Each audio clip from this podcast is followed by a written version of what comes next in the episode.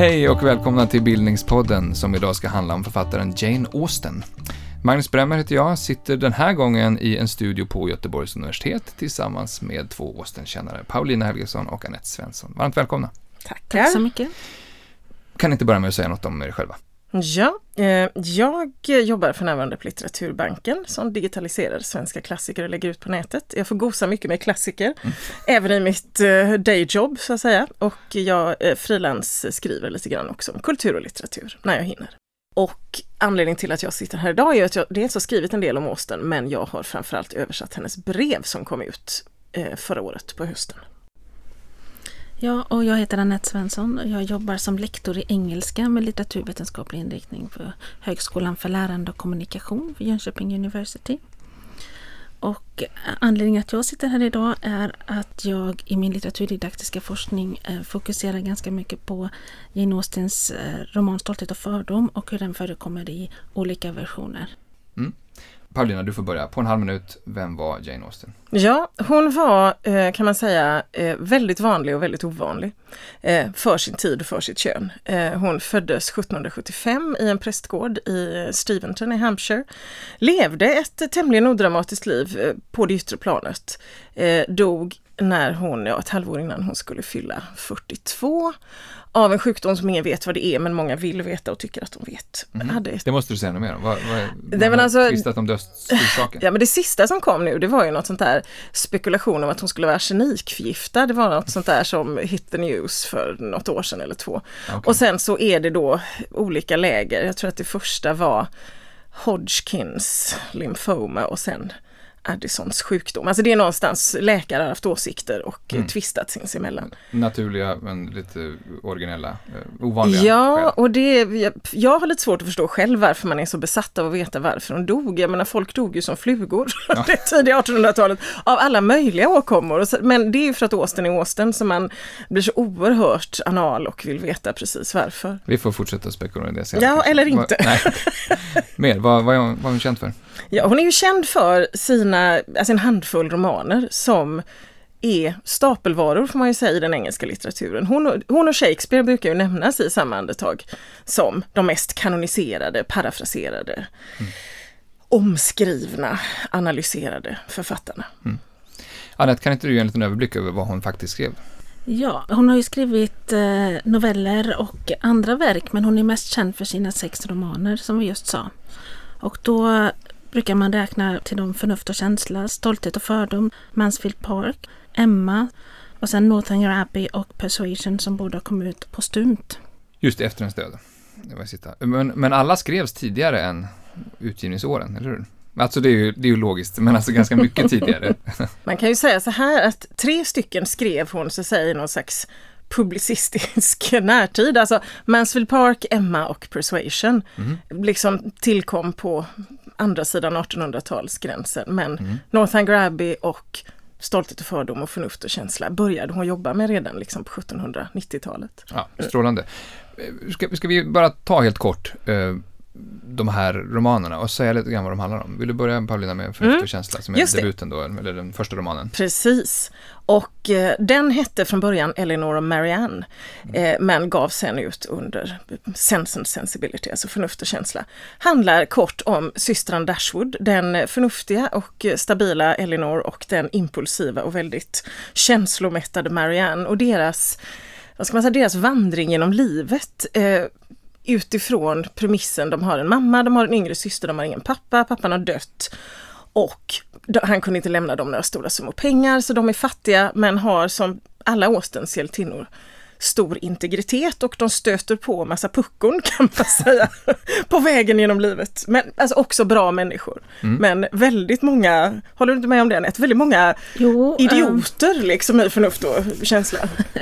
Eller inte så många men det, en, framförallt en. Jag skulle säga att det finns ett... lurendrejare. Menar du hur många idioter förstår I förnuft och känsla eller ja, i Som, som de här stackars systrarna stöter på så att säga. De är lite hårt prövade av Men vem är jubelidioten som du syftar på? Ja, det är ju Willoughby då. Eh, som ja, är den... Det. Eh, vad ska jag säga, en potentiell make.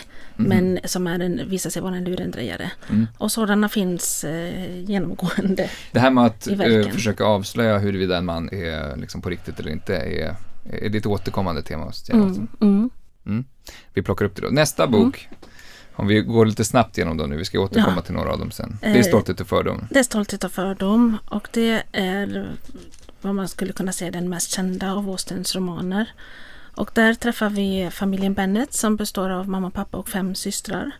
Och eh, det handlar förstås om att de här fem systrarna ska hitta någon att gifta sig med. Och sen får vi följa den här familjen när de kommer i kontakt med olika potentiella makar till döttrarna. Och eh, några är eh, om jag använder Paulinas ord, idioter.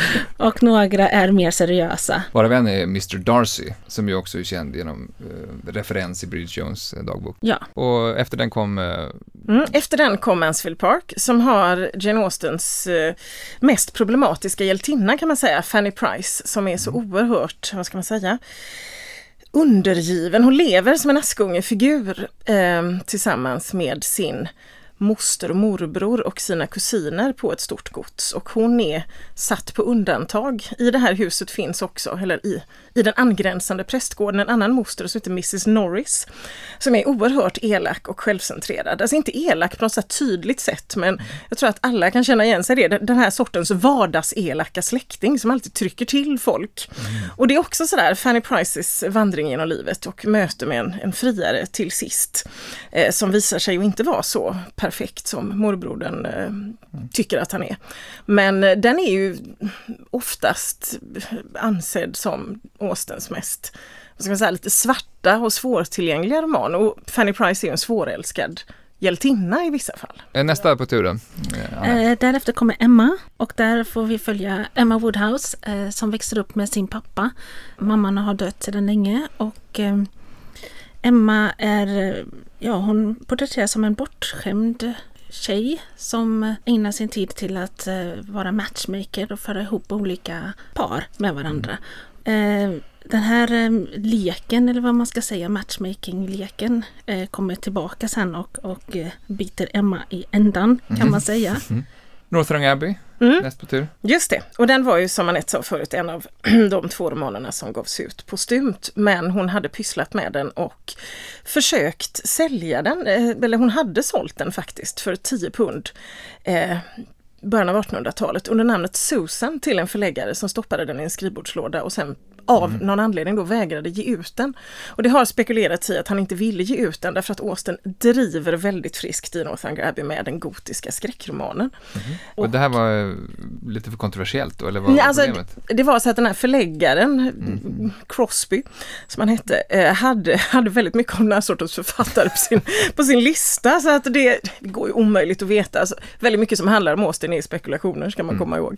Eh, Men han ville inte publicera den och hon hade skickat den anonymt, så han visste inte att när hon så att säga, väl debuterade så eh, visste han inte att det här var en Austen han hade liggande i lådan och det kanske var lite svårt att avgöra för honom. Eh, det var lite av en utvikning, men den handlar alltså om den unga Catherine Morland som åker till Bath med några grannar och eh, möter världen för första gången där. Och samma sak, goda människor, dåliga människor, mittemellan människor och mycket som handlar om romanläsande på ett väldigt roligt sätt. Och i Bath levde hon själv en tid. Japp. Ja, det återkommer vi till. Eh, Sista då, övertalning, persuasion. Ja, i den här berättelsen så får vi följa Anne Elliot och eh, hennes familj. Och det som skiljer den här berättelsen från de andra berättelserna är att här kommer vi in åtta år efter att hon har träffat sin potentiella make, eh, Captain Wentworth. Och det visade sig att när de träffades när hon var ung så friade han och hon blev eh, övertalad av sin familj att tacka nej till detta eftersom han inte kom från en välbärgad familj. Eh, till berättelsen hör också att eh, Anne träffar på sin kusin som visar ett intresse av henne. Men hon har aldrig glömt Kapten Captain Wentworth så hon vill inte lockas över till Mr Elliot. Mm. Men då har vi fått en liten överblick och uh, lite smakprov på hur intrigerna kan se ut. Det handlar ganska mycket om mänskliga relationer och i synnerhet mellan män och kvinnor. Ja, det kan man säga. Innan vi eh, går vidare med att prata om författarskapet och hur det har tolkats och så vidare. Var kom, var kom hon ifrån? Säg något om hennes uppväxt. Ja, eh, Paulina har redan nämnt att hon växte upp i byn Steventon i England. Och eh, i min ungdom när jag var au pair så bodde jag ett år i, i just den byn Steventon Mhm. i England. Be- beskriv Steventon. Ja, det, På din tid och kanske ja på när, jag, när jag var där så tänkte jag att det här är som Emmerdale Farm, alltså Hem till gården, det programmet som gick på tv. Ja, det. Det, det är en liten by som har en stor bondgård och eh, ja, jag skulle uppskatta till ungefär 20 hus utspridda runt omkring där i den trakten. Hur- Väldigt mycket på landet. Finns det några spår av eh, Jane Austen där idag? Eh, det är ju den här kyrkan och eh, prästgården där hon växte upp. Men när jag var där så fanns det ingenting och det här var ju före 1995 när BBCs ehm, tv-serie om stolthet och fördom kom och, och det började riktigt blomma upp runt Jane Austens verk. Ah, okej. Mm. Vad- Men eh, hennes far var präst då uppenbarligen. Mm. Säg något mer om, om föräldrarna. Ja, ehm, föräldrarna var tillhörde ju inte den här The Landed Gentry som Austen ganska mycket skriver om utan pappan var ju en profession, han var kyrkoherde. Och Landed Gentry är godsägare, Ja, aristokratin. typ. precis. Den här klassen som kunde leva av landets avkastningar och andra människors arbete om man ska vara lite krass och eh, leva det här sociala liksom, livet. På vad man ägde i stort sett. Ja, exakt. Mm. Ehm, Men de, de var en skrivande familj. Modern som hette Cassandra, precis som Austens stora syster. Alla heter samma namn i de här eh, familjekonstellationerna, vilket gör det lite förvirrande när man börjar gräva djupare i det. Eh, skrev tillfällesvers ganska skickligt och äldstebrodern James ehm, var den länge som betraktades som familjens riktiga författare. Han skrev för en tidning som han startade i Oxford som heter The Loiterer exempelvis och skrev dramatik och skrev lyrik. Alltså det var en, en, en familj där det här var något som uppmuntrades till och med. Mm, det skulle jag säga att det var utifrån klimatet i familjen. Var det ovanligt vid den här tiden? Alltså det är väldigt svårt att svara på men eh, jag tror att det berodde väl lite på, alltså pappan hade undervisade ju gossar i hemmet för att dryga ut inkomsterna så att han var ju bildad och beläst och det här var ju någonting som sipprade ner. Sen om man ska tro de biografiska berättelserna om familjen Austen så var det ju inte så att alla syskonen hade samma sorts behov eller samma sorts intressen. Jag menar Austen var ju definitivt en skrivande person. Även systern Cassandra och mamman. Som också målade. Precis. Hon var liksom väldigt Ja. duktig på det, eller duktig, ett fånigt ord, men hon var, hade liksom konstnärlig talang, det hade de ju Ja. också. Sen Edward som eh, det här syskonet som adopterades av avlägsna släktingar till familjen och blev den enda som blev, han blev så att säga landed gentry och Mm. eh, levde ett välbeställt liv. Han var inte speciellt, eh, han var ingen typiskt. skrivande Nej, människa. okej, okej. Och Austens favoritbror Henry, han var en sån entreprenör och mångsysslare och sådär. Mm. Så att, Men man verkar inte ha gjort någon, någon skillnad här mellan könen på barnen, vad de skulle ägna sig åt. Så. De verkar ha fått välja själv. Ja, och eh, att, att Jane Austen blev uppmuntrad eller i alla fall liksom visade ett glatt överseende med sitt skrivande, det är väldigt tydligt. Jag tror att hon blev uppmuntrad, att det här var någonting som var bra att ägna sig åt. Mm. Mm, vad vet du mer om uppväxten? Har hon själv skrivit eh, någonting som vi har kvar? Nej, Mm. ledsamt Nej, nog. jag Visst tror- är det deppigt? Ja, men jag tror att många försöker läsa in hennes biografi i hennes romaner men det, det, det tycker kan vara jag absolut inte att man ska göra. Nej, ja, det, det tycker jag inte att man ska göra. Det, det är det man har att gå på i stort sett. Det finns ingen... eh, Nej, ja, Ingen det, text, finns, det min finns väl någon, alltså. någon släkting som skrev eh, om hennes liv förstås men inget som hon själv har skrivit. Ja, okej. Mm. Det, det är en vanlig föreställning att eh, Jane Austen själv leder så händelsefattigt liv etc. Eh, Vet vi det eller är det bara en effekt mer av att vi inte har så mycket att gå på? Jag förstår inte riktigt vad, vad som menas med händelsefattigt liv. Hon, hon, hon skrev och var eh, tråkig. Ja, det, det, en- det tycker inte jag är ett fantastiskt bild. liv. Jag tycker det, det är så himla bra för jag tror att det behöver verkligen eh, lyftas fram och understrykas det här att man ska göra en grej av att hon hade ett så tråkigt liv. Jag skulle säga att precis som du säger, hon hade väl ett, ett fantastiskt liv. Ja. Men visst är det en vanlig, det, det, Ja, vanlig ja. Ja. Och jag menar, jag har ju stött på, det har ju säkert du också Anette, att sådana här formuleringar som att hon, hon, skrev bland annat om, du vet, glamorösa livet i London ibland, någon enstaka gång, det gjorde hon inte så mycket, men och själv hade hon aldrig satt sin fot där och så där. Det gjorde hon ju givetvis. Liksom. Så att man utgår ifrån att hon bara satt på sin mm. rumpa bokstavligt talat i sin skrivkammare och aldrig rörde sig, så var det ju inte. Kan man tänka att en teori här då att det är ett vanligt sätt att förminska en intellektuell kvinna? Historiskt. Mm. Jag tror faktiskt att det är det. Även om man inte skulle vilja erkänna det så. Man har en förväntanshorisont på, vad ska man säga, en, en kvinna under den här perioden som om hon hade varit en, en man i 1880-talets England. Alltså man, man skjuter fel både när det gäller tiden och de, alltså, könets förutsättningar. Ja, för samma kritik finns också mot hennes verk. Att mm. Varför skriver hon ingenting om pågående yttre världen? Hade hon ingen koll på den, vad som hände? Men den kritiken ställer man ju inte till, till män från samma tid. Man behöver, precis som Anette säger, man behöver inte mer än det faktum att hon, hon var en kvinna som skrev. Mm. Och när, eh, apropå det här skrivandet, när märks det att det börjar hända någonting? Att det är någonting mer än en, en ungdomsaktivitet, att det här är någonting som hon är menad att göra? Alltså jag tror att hon börjar ju sannolikt skriva någonstans, alltså lite mer kanske sammanhängande och halvlånga saker i alla fall. Eh, 12, 13, 14. Sen finns det daterade saker från 1790 och 1791. Mm. När hon är då 15, 16, så det är hyfsat tidigt. Vad är det för typ av, av saker man har kvar från, från den, de åren? Ja, det är ju det som kallas Austens juvenilia, alltså ungdomsverken. Och det var sånt som hon skrev ner i tre stycken anteckningsböcker eh, som man populärt brukar anse att hon fick av sin pappa och som kallas för Volume the First, Volume the Second och Volume the Third. Mm. Eh, och där finns det liksom en salig blandning av såna här små lite absurda och ironiska och roliga, alltså små brevromaner där varje brev är typ tre meningar långt och sådär. Och så skriver hon en, en roman i miniformat. Och sen finns det ett ganska ambitiöst, eh, vad ska man säga, som en, en, en liten miniroman som heter Catherine, or The Bower tror jag den heter. Mm. Som handlar om en, en kvinna som åker till Indien för att skaffa sig en man. Det var inte helt ovanligt, det hade Austens egen faster gjort, alltså åkt till Indien och träffat en man för att gifta sig med, när det var lite klent på mm. äktenskapsmarknaden hemma. Och så finns det no en humoristisk minihistoria över England från 16-årsåldern och sådär, eller hur? Just det, och där, den är ju en, en, ro, en rolig kollaboration mellan henne och Cassandra, för precis som Anette sa tidigare tidigare så, så var Cassandra väldigt duktig på att teckna och måla. Så att eh, hon betar av eh, Englands kungar och drottningar eh, i små korta, vad ska man säga, mikroessäer får mm. man väl mm. nästan säga, mm. som är väldigt, väldigt roliga. Mm. Det finns ju lätt läsa på nätet om man vill. Eh, skriven av citaten partisk, fördomsfull och okunnig historiker. Så. Ja, exakt. och dedicerad till Cassandra också. Ah, okay, okay. Men det sägs att hon senare i livet har sagt till en yngre släkting att hon önskar att hon läste mer och, och skrev mindre i sin ungdom. Var, var hon inte stolt över den här tidiga produktionen?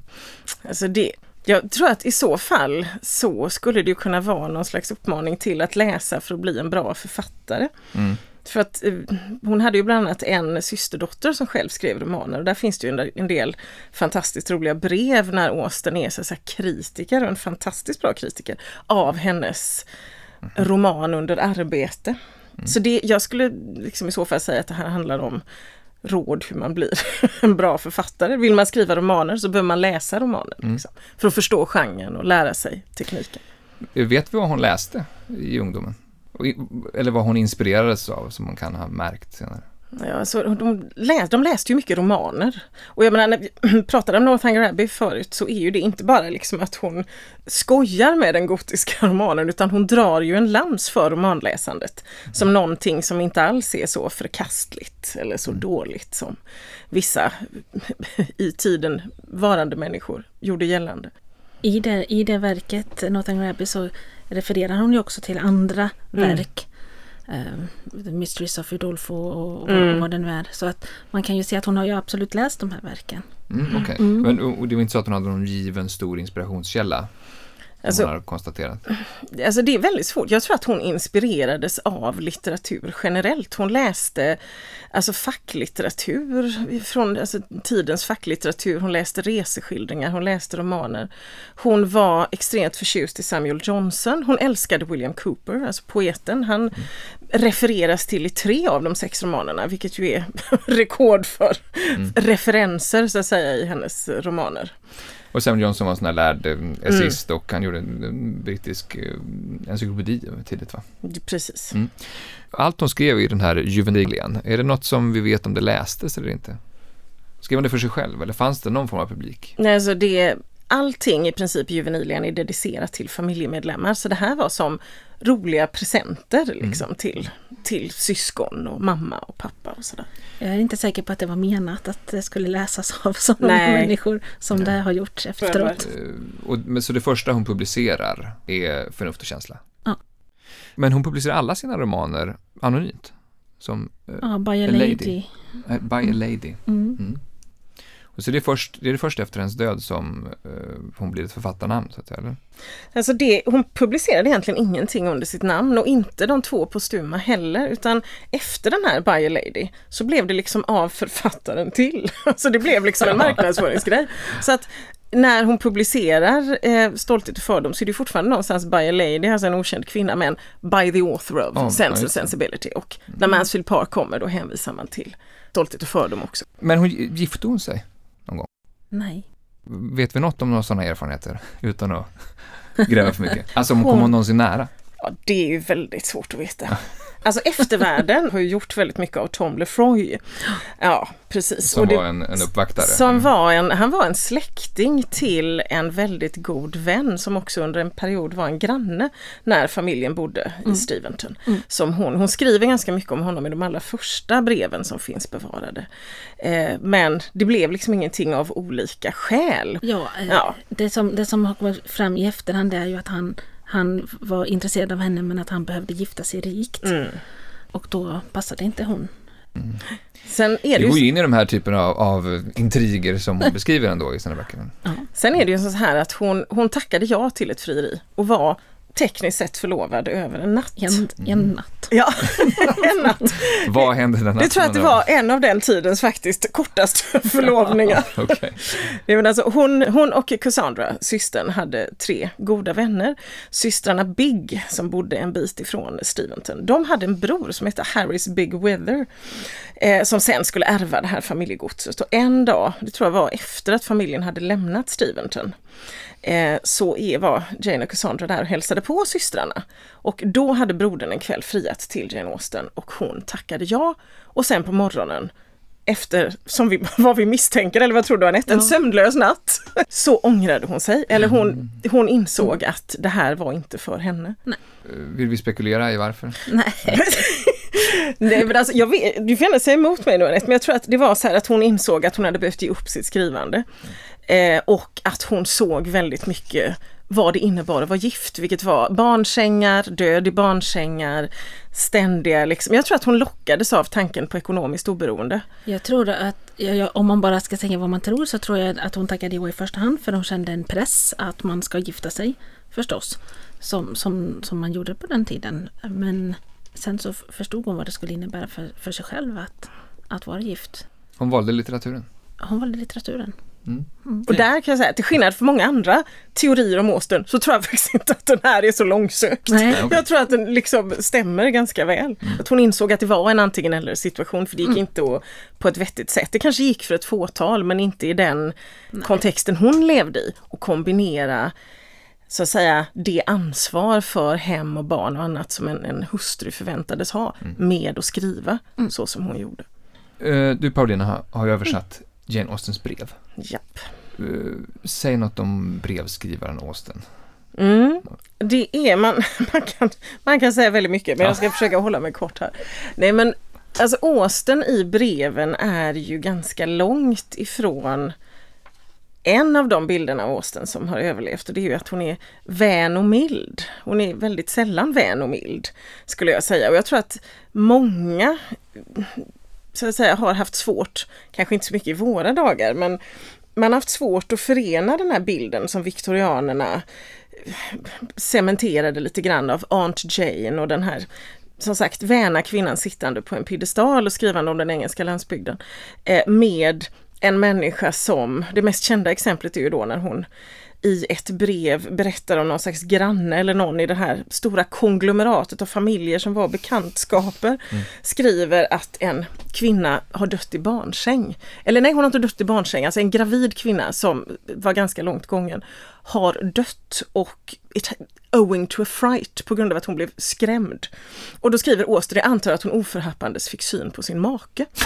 och det är ett oerhört hjärtlöst, hjärtlöst skämt men hon kunde liksom eh, leverera sånt utan bekymmer. Jag tror mm. att hon var väldigt eh, vad ska man säga? Jag ska inte säga hård, det är väldigt svårt att hitta ett ord för det, men hon var väldigt rationell på mm. vissa sätt. Men och, är också som författare känd för sin humor. Så ja, ja, det här är något precis. man märker i breven också. Ja. Och det här är något sånt, sånt skulle hon aldrig skrivit i en roman. Det hade ju varit ett fruktansvärt brott mot ja. dekorum mm. som hon var väldigt noga med. Men i breven då, det här var ju till Cassandra, till systern. Mm. Så, och det finns ju andra sådana här passager och det finns ju en del väldigt roliga när hon är på en alltså hon är på baler och så rapporterar hon till Cassandra och beskriver de här människorna. Det är liksom, hon klär av dem fullständigt. Det är, ja, det, det är jätteroligt. Hur, hur mycket brev finns kvar? Alltså det är ju någonstans mellan 150 och 160 brev inklusive lite fragment. Mm. Så det är inga stora mängder. Och de allra flesta är till systern? Ja, majoriteten är till systern. Ja. Vad, vad, vad, skriver hon om utöver den här typen av sociala rapporter? Så Finns mm. det några ämnen som hon återkommer till? Ja, alltså jag tror att vi med våra ögon idag är ju någonstans besvikna över att hon inte skriver som skriver saker som passar in i en Life and Letters biografi med utvikningar om filosofi och universum och tidens frågor och sådär. Det gör hon inte överhuvudtaget. Jag tror att det är någonting man har lärt sig att förvänta sig av en författare som, som är så pass uppburen som Austen. Och någonstans så finns det någon slags besvikelse på att det enda man får, det är en sann med modifikation, men mycket av det man får handlar om vardagsbestyr, som sagt det enorma sociala nätverket, vem gör vad, rapporter ifrån visiter hit och visiter dit. Det är väldigt mycket sånt, för så såg hennes liv ut. Och jag inser att jag givetvis, eftersom jag är extremt förtjust i breven, kanske inte är representativ. Men jag har lite svårt att se varför de tycker att det här är så ointressant, för det här är ju det är som att trots detta liv så lyckades hon skriva de här romanerna. Och det är ju det som jag tycker är så awesome med de här beskrivningarna. De blir som en, en bakgrund till, så här såg hennes liv ut och ändå producerade hon de här romanerna som lever och bara växer och växer liksom år från år. Mm. Det tycker jag är helt alltså obeskrivligt bra istället för att liksom deppa ihop över att det är tråkigt. Man kan förstå att man tycker det. Jag tycker det är jätteroligt. Jag bara liksom älskar det här och mm. tycker att det är fantastiskt. Men ibland blir jag lite ledsen över att man liksom skjuter förbi målet. Men vad skulle du säga är den vanligaste missuppfattningen om Jane Austen? Kanske av, av folk som inte har läst henne? Att hennes romaner handlar om kärlek. att det handlar bara om kärlek? Ja. Mm. Jag tror att det är som, en, som romantiska komedier eller att det är en kärleksfokus. Mm. För det är naturligtvis en viktig del från kvinnor på den här tiden att hitta en man att gifta sig med. Men det handlar om så mycket mer under ytan. Mm. Genom de här ämnena så gestaltar hon andra frågor. Ja. ja. Okej. Okay. Paulina? Mm, nej, men jag håller helt med Anette. Alltså att, att Jane Austen skulle vara en romantisk författare, att hon ofta förknippas med ordet romantisk. Och vi har ju pratat väldigt mycket nu om det här med kärlekshistorier och uppvaktning, men det är ju precis som Anette säger, det här är bara de yttre så att säga, medlen för att gestalta någonting helt annat. Mm. Och, och vad kan det vara?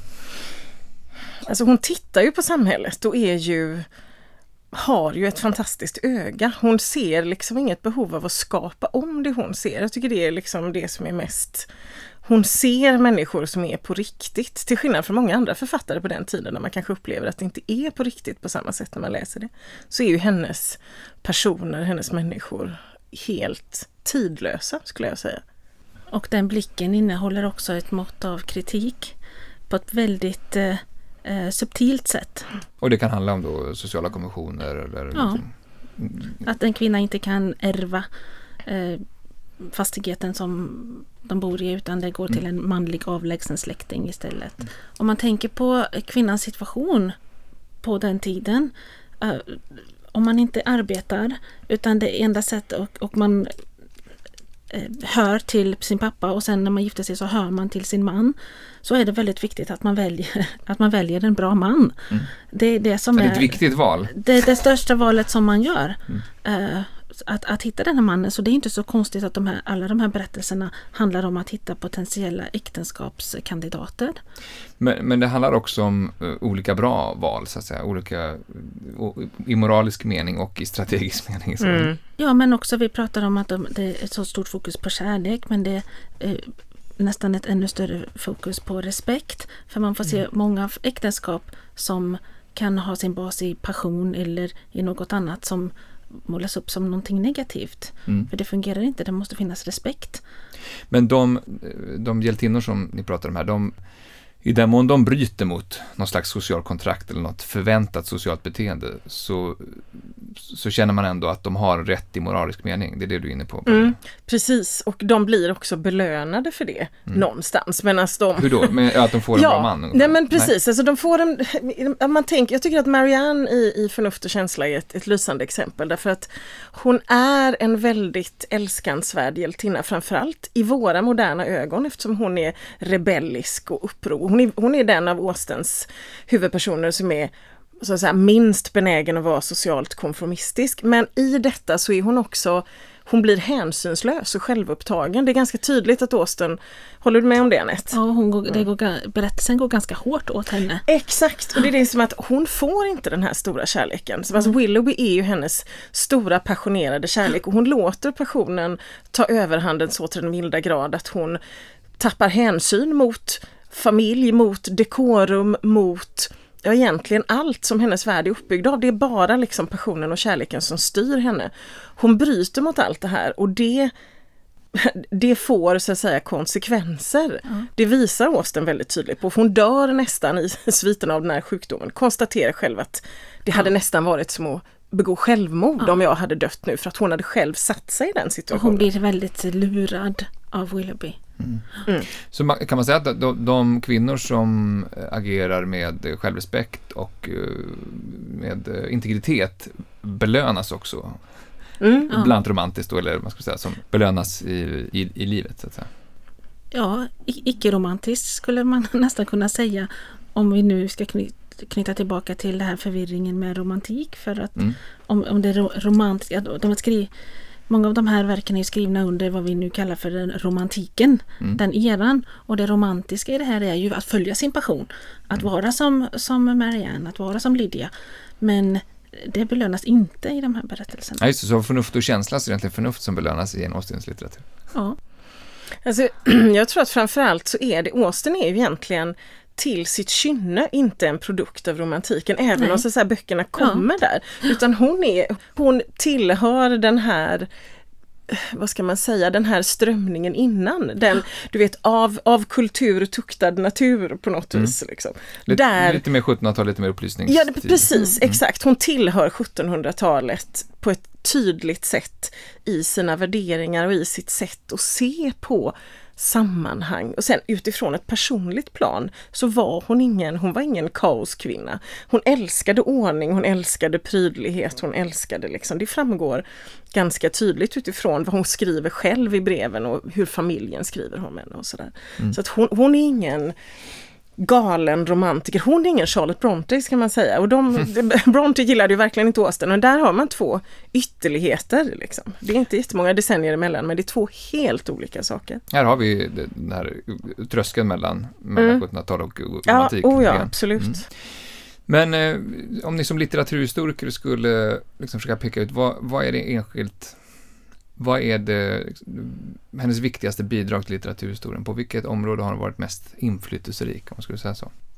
Jag skulle säga att hon har bidragit just med faktiskt det som, som vi var inne på nyss, att hon har skrivit romaner ifrån alltså slutet av 1700-talet och det tidiga 1800-talet som står sig idag helt obefläckat så att säga, hela tiden hittar nya läsare. Hon har fört den, den tiden in i våran modernitet och det är väldigt få av hennes, om ens någon, mm. av hennes jämnåriga, jag säga, som har lyckats med det. Mm. Men visst är hon väl en vattendelare bland författare också i historien. Det finns författare som, som talar om som sina största idol, deras största idoler och, och uh, väldigt skarpa kritiker som har förminskat henne och så. Mm. Vilka är, har vi några exempel på vilka som tillhör vilka läger? Så?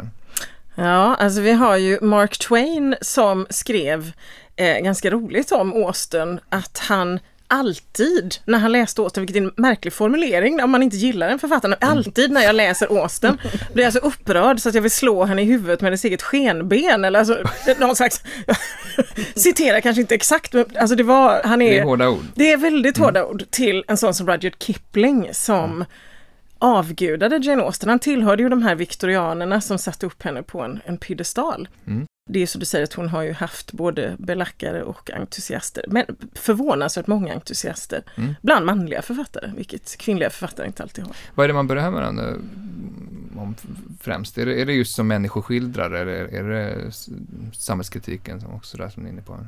Ja, det är hennes sätt att se på samtiden, samhället, den, den det samhälle som hon själv levde i. Mm. Har ni några sådana här, liksom, de enskilt mest kända scenerna i Jane Austens litteratur? Som ju har en tendens att dyka upp på andra ställen i populärkulturen. Ja, jag skulle säga eh, Elizabeth Bennet när hon tackar nej till både Mr Collins och Mr Darcys frierier. Det här är Stolthet och fördom? Ja, från mm. Stolthet och fördom. Det kommer, det kommer upp lite mm. då och då. Beskriv den scenen. Ja, i den första med Mr Collins friar till Elisabeth så är det, det är ganska stort bara att hon säger nej när någon eh, friar. Men han gör det på ett sätt som är eh, som visar att han inte riktigt har respekt för henne. Mm. Men att han behöver gifta sig. Och det, då tackar hon nej till det. Och hennes mamma blir, blir jättearg och säger att eh, jag kommer någonting i stil med att du är inte min dotter längre eller eh, något i den stilen. Men hennes pappa går in och försvarar henne. Mm. Och det är väldigt stort. Att pappan håller med. Att han inte tycker att hon ska gifta sig med, med honom. Mm. Och det andra fri, frieriet från när Mr Darcy friar. Det är också utan respekt. För han respekterar inte hennes familj och han respekterar inte um, hennes vänner. Och det, då tackar hon också nej. Mm. Så det här är en slags, eh, en slags feministisk scen på sätt och vis? Ja. Mm. Hon står upp för sig själv. Ja. Just den här respekt är ju liksom nyckelordet för att båda de här frierierna eh, till Eliza handlar ju om att ingen av de här två männen i det läget ser henne som en egen person, en egen människa i sin egen rätt, utan det handlar om kvinnan som alltså mannens givna komplement och i Mr Collins fall väldigt tydligt som någon slags handelsvara. Han gifter sig med henne och så kan modern och systrarna få bo kvar på den här, deras hem, hemställe då som han ska ärva.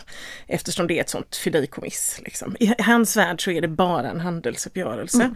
Och sen när han har liksom punktat upp på vilka sätt det här är en handelsuppgörelse utan att egentligen förstå att det är det han säger. Mm. Så faller han på knä och bedyrar henne sin passionerade kärlek. Och det är så tydligt, liksom, Austin är så skicklig på det här att få honom att framstå i all sin mm förljugenhet i detta. Och han kan inte, han kan inte förstå att hon inte säger ja till det här Nej. fantastiska erbjudandet. Det är högst osannolikt om någon kommer fria till er mer. ja. men här, här, beskriver ni ju också någonting om den samhällsklass som hon beskriver. När du mm. säger fideikommiss syftar på en ägande eller kanske en gård ja, som går i arv och så vidare. Bara till söner, det är ja. det som är grejen. Eftersom är de bara är döttrar mm. så är det han som är den närmaste som ska ärva deras mm. fädernehem. Och det är därför mamman är så desperat angelägen om att hon ska gifta sig med Mr Collins och se till att de har ett hem där. Mm. Så hon är en handelsvara i det läget även för sin mor som är en del av det här systemet mm. fullständigt. Mm. Men eh, bara så vi får en bild av miljön, alltså säg något mer om den här godsägararistokratin. Liksom, vad, är, vad är det för typ av, vad är det för folk som rör sig där? Vad, vad är det för typer av personligheter som dyker upp i hennes böcker? Och så? Alltså det, vi var ju inne på Stolthet och fördom, där finns ju Lady Catherine de Bourgh som är det här, alltså hon är ju ett ypperligt exempel på när Austen så att säga gisslar liksom den högfärdiga adeln. Och sen mm. är det lite roligt i Persuasion också därför att stackars Anns pappa, han är ju en sån extremt fåfäng och alltså hyperadelshögfärdig baronet. Men det Ja. som är roligt är ju också att baronet är ju lägst ner i den här engelska adelstrappan som sen fylls på av viscounts och earls och sådär. Så han är någonstans längst ner i hierarkin men så uppfylld av sin egen betydelse. Det hänger ju ihop förstås. Ja, ja, det hänger ihop. Det är ju liksom en, alltså hon är väldigt bra på att det är hitta lite det här. parodiskt kan man säga. Ja, visst. Men, men varför tror ni att Jane Austen är så intresserad av de här relationerna? Eh, Dels klassfrågan lite grann, men också de här miljöerna. Alltså. Vad är det hon tycker sig att hon kan säga om, utifrån det här persongalleriet? Liksom? Jag tror att hon kan säga saker om, om mänskligheten faktiskt. Om man ska ta i lite. Och om samhället. Ja, Om man tar ner det en precis. Men, och hur märker man eh, liksom, samhällskritiken Austen i, i de här skildringarna? Mm.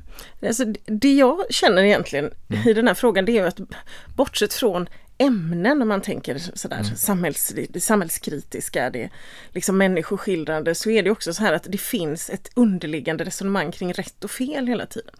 Alltså det finns hela tiden ett, ett moraliskt ställningstagande i allt hon skriver där alla hennes hjältinnor utan undantag alltid har så att säga moraliskt rätt även om de går emot det som samhället förväntar sig av dem. Och det tycker jag är lite viktigt att inte tappa bort för det handlar kanske inte, när vi pratar om samhällskritik så är det inte nödvändigtvis samhällskritik utifrån hur vi är vana vid att det skildras idag. Alltså tydlig kritik mot kung, riksdag och regering snudd på. Men det är liksom någonting annat, att det är viktigt att hitta den moraliska kompassen igenom det och det bottnar ju också någonstans i hennes väldigt tydliga gudstro. Alltså det har, någonstans har det med tro och religion att göra. Eh, Annette, du har ju forskat om eh, adaptioner, eller vad ska man säga, tolkningar, filmatiseringar, alla former av eh, vidarediktningar eller, eller tolkningar av Jane Austens verk. Ja, det kan man säga. Jag använder ordet textuniversum. Mm. Jane, Ja. Alltså det är textuniversum som följer efter Jane Austen. Nej, eh, utan det är textuniversum som följer efter en viss berättelse. Så jag har fokuserat på stolthet och fördom, så jag har stolthet och fördom textuniversumet. Man kan- Hur ser det, ta oss in i det universumet. Ja, det är, textuniversum har nästan alltid en kärntext. Det finns en del berättelser som där man faktiskt inte kan härleda vilken som är kärntexten. Men i det här fallet så är det ju naturligtvis Austens roman som är kärntexten. Och sen kan man då använda hela, hela berättelsen eller man kan också använda platsen där berättelsen utspelar sig eller någon av karaktärerna och eh, skapa nya berättelser. Men det här är alltså fanfiction, typ, man, man skriver vidare på, eller är det mer än det? Ja, det finns eh, mycket mer Okej. än det. Fanfiction är en del av det hela.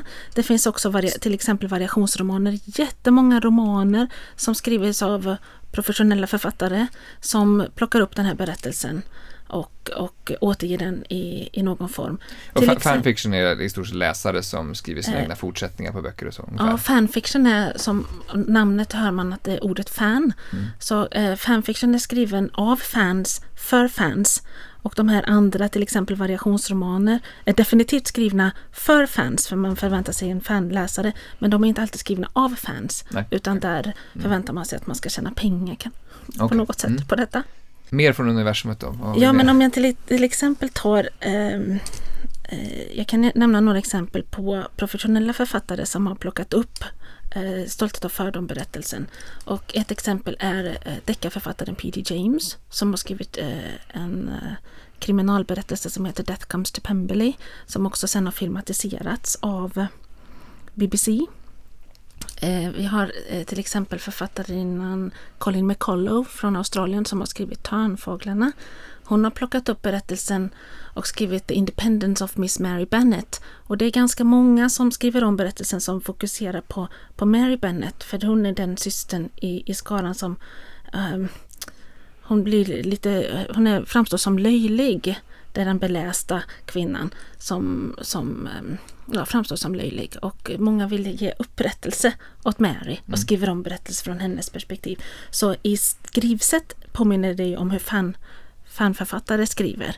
Men det här är ju professionella författare som, Okej. som skriver. Textuniversum låter ju också väldigt stort. Är det så att Ja. Jane Austen är bland föremål för textuniversum så är hon en av de stora så att säga. Ja, det, ja eh, inte, inte bara Jane Austen utan eh, några av hennes verk är Mm. bland, de, bland de stora. Harry Potter är väl det största Okej, kan man säga. okej. Mm. Men sen eftersom det är så stort så, så har jag delat in det i olika kategorier. Eh, eh, en kategori som jag då kallar för remakes är där berättelsen görs igen. Och dit räknas då eh, adaptioner, filmatiseringar av berättelsen där målet är att vara nära kärntexten. Man vill göra om den men man vill inte ändra så mycket. Och det, så fort man gör om en berättelse av Jane Austen så blir det en stor samhällsdebatt. Varför var inte den scenen med eller varför var den där scenen med och så vidare. En annan kategori eh, kallar jag då för makeovers och det är när man gör om berättelsen och då vill man göra någonting nytt med den. Det allra vanligaste är att man vill skriva en fortsättning. För man vill se vad hände sen med de här karaktärerna. Man vill inte att det ska ta slut. Mm. Men också att man kanske berättar om historien från en annan karaktärsperspektiv.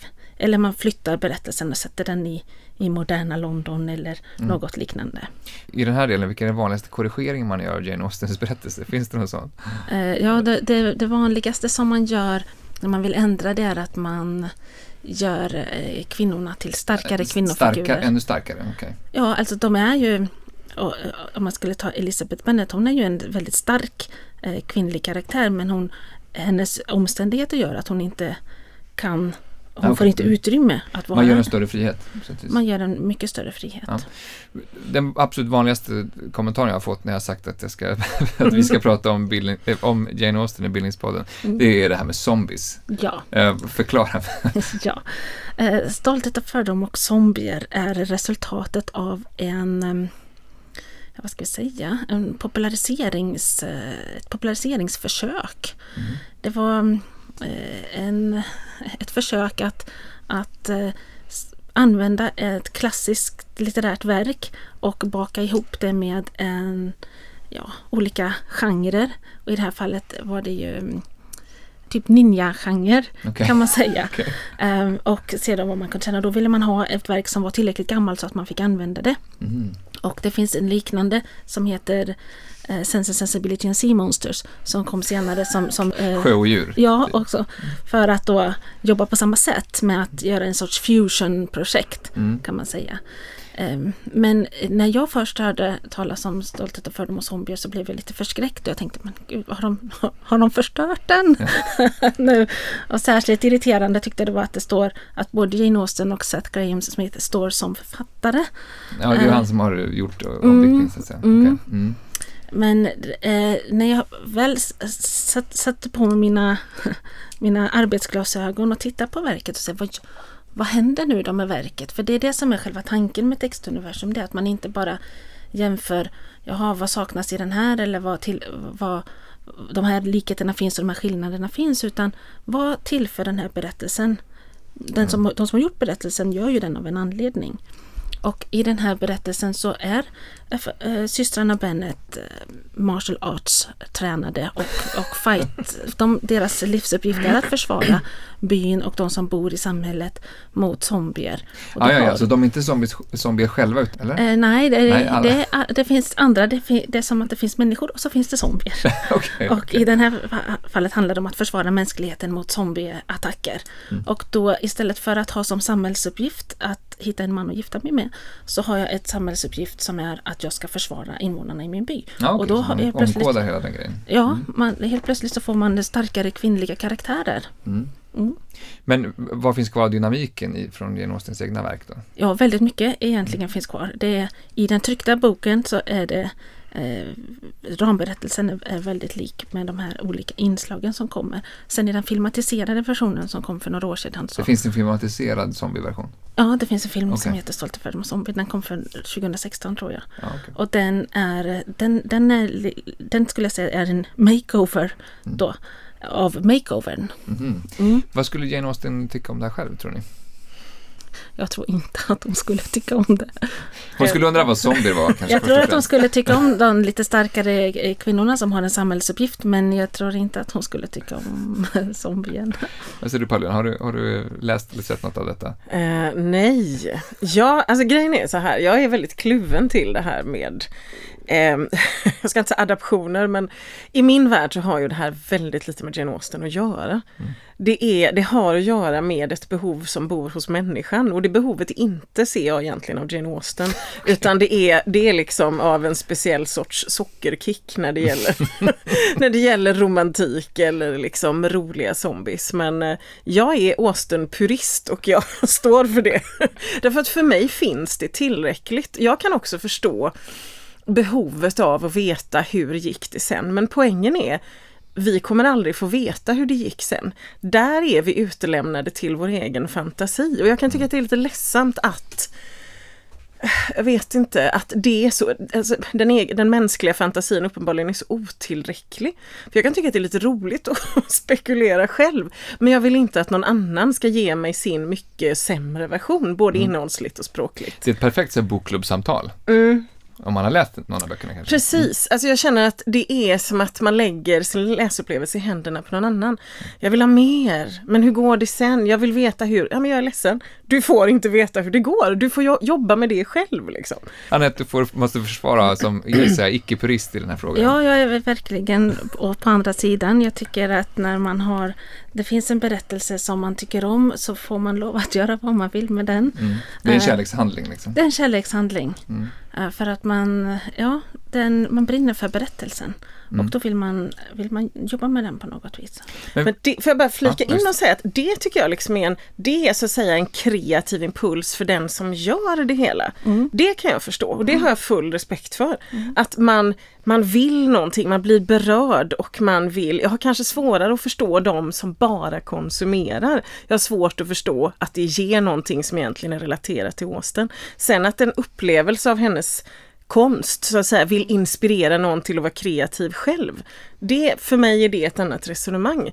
Ja, ja jag vill komma tillbaka där och säga att, att eh, nej, det jag, från mitt perspektiv så finns det väldigt många duktiga skribenter också bland fanfictionförfattare. Det finns väldigt mycket, många duktiga um, regissörer som har gjort bra filmatiseringar och plockat upp uh, ja, bra aspekter. Så jag tycker inte, för mig är det inte fråga om att vara bra eller dåliga och att att lyfta upp Kanske Myskan också kan vara En viss eh, berättarform mot en annan berättarform. Okej, okay. mm. du har två sidor för att komma till tals. Ja, och, eh, men eh, filmatiseringarna då bara, för det, kanske, det är ju en, högst sannolikt en, en, en vanlig ingång till Nåstens verk för många. Ja, det tror jag. Mm. Säg något om dem, hur bra, som Jane Austen-kännare, hur bra är de här filmatiseringarna generellt och har ni någon som ni vill lyfta fram särskilt? Så?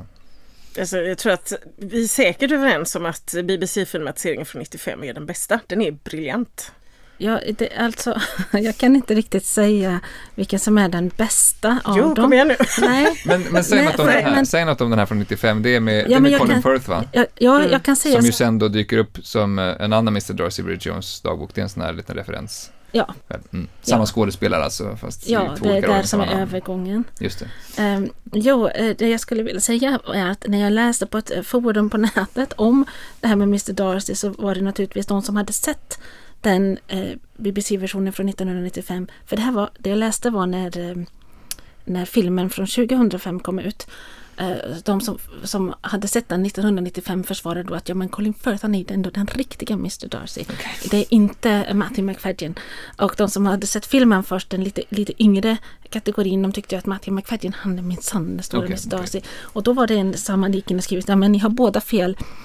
Uh, för i versionen från 1900, BBC-versionen från 1980, David Rindle, han är den riktiga Mr Darcy. Så jag, tycker, så jag tänker att det är lite grann som om man lyssnar på en jättebra låt på radion och så tänker man, oh vilken bra låt. Och så går man till sin kompis och säger man, lyssna på den här låten, den är jättebra. Och så lyssnar kompisen och så säger de, aha, men du, det där är ju en cover på den här låten. Okay. mm. Och då tänker oj, så lyssnar man på originalet och då tycker man oftast inte att det är riktigt lika bra. Men är det vanligt att man kommenterar de manliga skådespelarna än de kvinnliga i de här sammanhangen, skulle du säga? Jag tror att Mr Darcy är den som kommenteras mest. Mm, okay. Men det gör han ju egentligen för att Mr Darcy 1995 blev så ikonisk. För Ja. annars tror jag inte att man hade hängt upp sig på det. Man hade ju kunnat, om det hade funnits glada och livaktiga gamla pensionärer i den här diskussionen så hade de kunnat hänvisa till att Laurence Olivier var Ja. Mr Darcy på Okej. 40-talet i en filmatisering med Greer Garson som Varför är han så minnesvärd Bennet. 95 då? Om säger något om den filmatiseringen. Alltså grejen är, för mig är det inte, även om jag älskar Colin Firth, för jag tycker han är en bra skådis, även om han har ballat ur så att säga de senaste, senaste decenniet lite drygt. Men jag tycker att det är en fantastisk filmatisering för att Andrew Davis som har skrivit manus, för det första är han en fantastisk manusförfattare som lyckas, till skillnad från filmen från 2005 som jag tyckte var ett, ett haveri.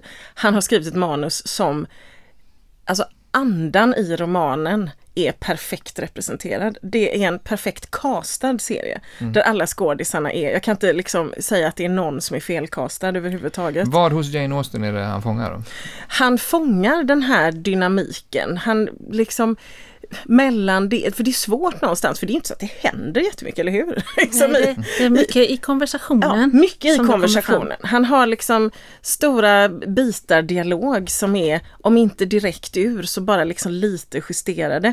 Man känner igen liksom romanens tonfall och röst väldigt mycket. Den är också alltså 6, 50 eller 55 minuters avsnitt så att berättelsen får liksom den tid på sig den behöver i de här dialogerna, långsamma konversationerna och människorna får vara precis så extrema som de är alltså bortsett från många andra invändningar mot den här filmatiseringen 2005, som där man då diskuterade att det skulle vara lite mer down to earth, liksom, att de var lite svettiga i pannluggen och det gick liksom lite hönor och pickade på bakgården. Det är bara kosmetika därför att någonting som var helt centralt för Austen, det vill säga dekorum, det har man fullständigt bara struntat i den här filmen. Alltså Mr Bingley knackar på Janes sovrumsdörr och kliver in. Det är helt menar, so- otänkbart. men du menar du sociala borgerliga konventioner? Ja men precis, och inte bara det utan liksom hur man beter sig. Alltså Lizzie Bennet eh, är ju en, en fri ande på vissa sätt men hon är också väldigt tydlig med att det hennes föräldrar kräver av henne behöver hon respektera. Hon blir lite upprörd, hon försöker säga emot men det här att liksom skrika och gapa liksom som Keira Knightley gör, det skulle aldrig hänt heller, det faller utanför romanens alltså universum på ett sätt som möjligen gör den till en underhållande film. Men jag tycker det är en jättedålig adaption. Tappar man, tappar man något tidstypiskt här också i... Ja, jag tror att man tror att det räcker med svettiga pannluggar och hönor, men det gör det liksom inte. Jag kan bara, Andrew Davis är ju, som jag sa, en, en fantastisk manusförfattare, men sen det var också en väldigt bra regissör, måste vi ju tillägga, i form av eh, Simon Langton. Och jag har pratat en del med en, en engelsk eh, forskare som heter Gabby Malcolm, som håller på att skriva en bok som heter Darcy Mania, där hon undersöker just alla såna här populärkulturella yttringar av Mr Darcy, som du skulle känna igen alltihop, så att säga, post 1995, när Colin Firth kliver upp ur dammen med den, den våta skjortan. Och alla, som alla glatt påpekar, ja men det är ju inte med i boken, nej men liksom, det, det var en väldigt effektiv scen. Men då berättade hon bland annat att eh, det här, alltså dykningen ner i dammen skedde i en tank i studion. Och De hade en eh, praktikant där den dagen som av misstag hade lagt på locket i fel ända. Så att det var innan folk upptäckte det så höll Colin Firth på att drunkna för han kunde liksom inte riktigt komma upp där han skulle komma upp ur den här eh, tanken. Och sen berättade hon också, för att hon känner Simon Langton, han hade egentligen velat att Mr Darcy skulle klivit upp ur den här dammen och fått syn på Elizabeth. Och det skulle synts lite att han fick en erektion. Att han reagerar liksom på hennes närvaro, vilket ju idag känns tämligen märkligt. Men oj, hoppla! men så gick tankarna i alla fall, att ja, men hade det inte varit roligt att? Liksom. Det lyckades inte på något sätt. Nej, det lyckades inte. Jag tror att det kanske var lite too much möjligen också. Kanske lite för subtilt för att det Men- skulle ha märkts. Men, men det var det alltså- han ville. Apropå att fånga någonting hos Jane Austen, den här scenen finns alltså inte ens i Stolthet och fördom, Nej. boken. Eh, Nej. Men den, tycker du ändå att den fångar någonting i, även den här scenen i boken?